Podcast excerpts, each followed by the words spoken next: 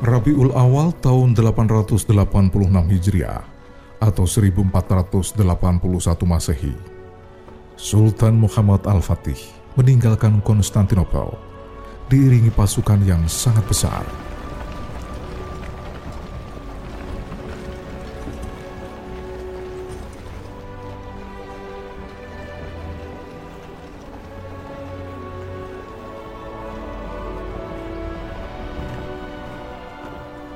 Sebelum berangkat, Sultan Muhammad Al-Fatih dalam kondisi sakit. Namun kondisi tubuhnya diabaikan karena kecintaan dan kerinduannya untuk berjihad. Karena sejak awal ia menyadari bertempur di ladang jihad visabilillah adalah upaya untuk mengobati rasa sakitnya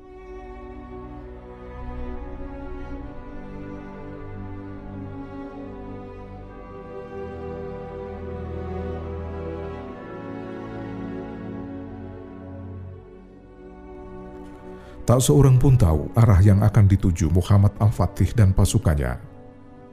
Bahkan pendapat orang-orang terdekatnya juga berbeda. Ada yang menduga Al-Fatih menuju Raudes untuk penaklukan. Tapi ada juga yang mengatakan Sang Sultan bersiap menyusul pasukannya yang telah masuk ke Italia Selatan dan sedang menuju Roma, Italia Utara, bahkan sebagian wilayah Perancis dan Spanyol. Tujuan perjalanan tetap rahasia dan tak pernah diberitahu pada seorang pun. Kebiasaan Sultan Muhammad II Al-Fatih adalah selalu mempertahankan arah yang dituju, menjaga rahasia, dan membuat musuh-musuhnya bingung dengan urusan mereka sendiri. Tak ada seorang pun tahu kapan mereka diserang. Sultan Muhammad Al-Fatih tak pernah membiarkan musuhnya lebih dulu waspada dan siap. Beberapa kali salah satu orang kepercayaannya bertanya, di mana ia meletakkan pasukannya. Tapi Al-Fatih selalu menjawab, jika rambut jenggot saya ini tahu itu semua, maka pasti saya akan mencabut dan membuangnya ke neraka.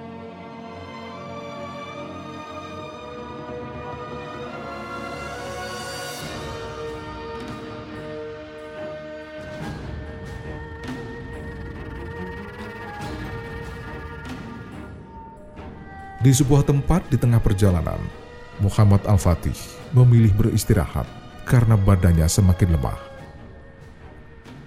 Ia lalu memanggil putranya, Bayasid II.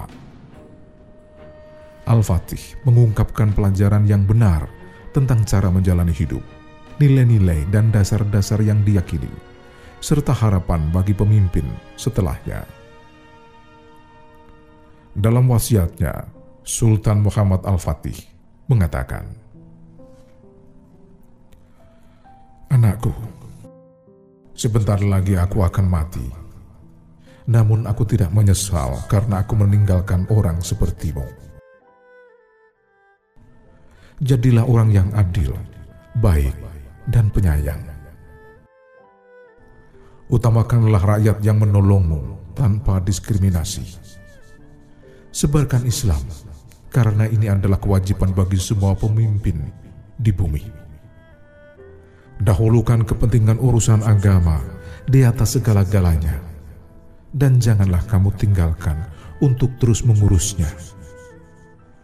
Jangan menjadikan pemimpin orang yang tidak menganggap penting urusan agama, orang yang tidak meninggalkan dosa-dosa besar, dan orang-orang yang tenggelam dalam perbuatan keji tinggalkanlah bid'ah yang merusak dan jauhilah orang-orang yang menghasutnya. Luaskanlah petak negara dengan jihad. Jagalah harta baitul mal dari orang-orang yang ingin mengacaukannya. Takutlah kamu untuk tidak mengambil harta salah satu rakyatmu, kecuali dengan hak Islam. Jaminlah makanan orang-orang yang membutuhkan dan serahkan kemuliaanmu kepada yang berhak. Anakku, ulama adalah tembok kekuatan bagi negara. Maka agungkan peran mereka dan doronglah keberanian mereka. Jika kamu mendengar salah satu di antara ulama itu ada yang tinggal di negara lain, maka datangkanlah dan muliakanlah mereka.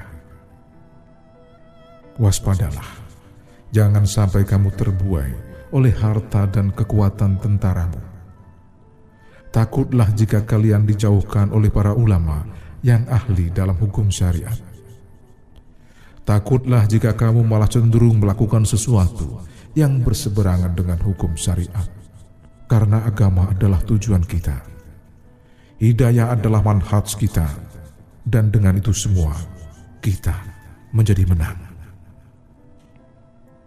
Ambillah dariku suri tauladan ini anakku. Aku datang ke negeri ini bagaikan semut kecil. Kemudian Allah subhanahu wa ta'ala memberiku nikmat yang mulia ini. Maka tetaplah pada jalanku. Contohlah aku. Lakukan untuk memuliakan agama ini dan mengagungkan pemeluknya. Jangan kamu gunakan harta negara dalam kemewahan, kesenangan, atau melebihi kadar kewajaran. Karena semua itu adalah sebab yang paling besar menuju jurang kehancuran.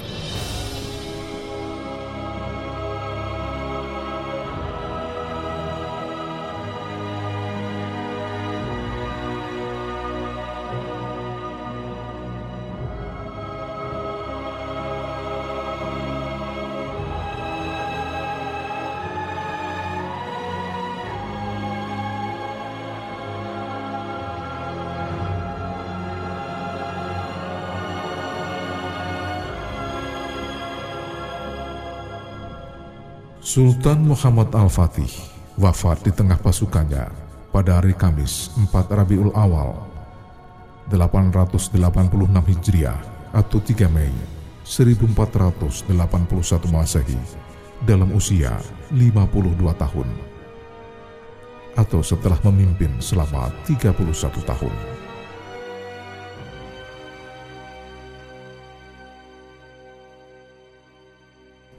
Muhammad Al-Fatih dibunuh dengan cara diracun oleh dokter pribadinya Yakub Basha yang mendapat hasutan dari warga Venesia. Yakub Basha sejak lahir bukan seorang muslim. Ia berkebangsaan Italia dan mengaku mendapat hidayah lalu masuk Islam.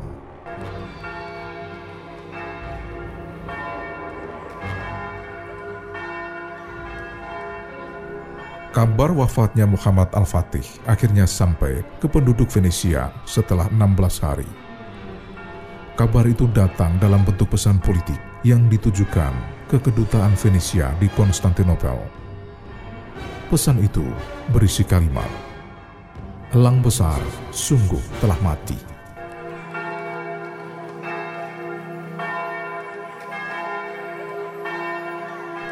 Kabar itu menyebar ke Venesia, lalu ke seluruh daratan Eropa.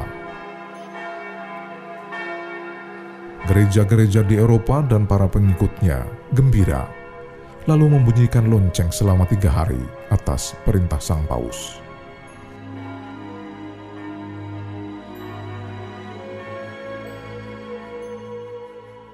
Sultan Muhammad Al-Fatih telah menaklukkan Konstantinopel seluruh kekuasaan dan daerah Asia Kecil, Serbia, Bosnia, Albania, dan Mur.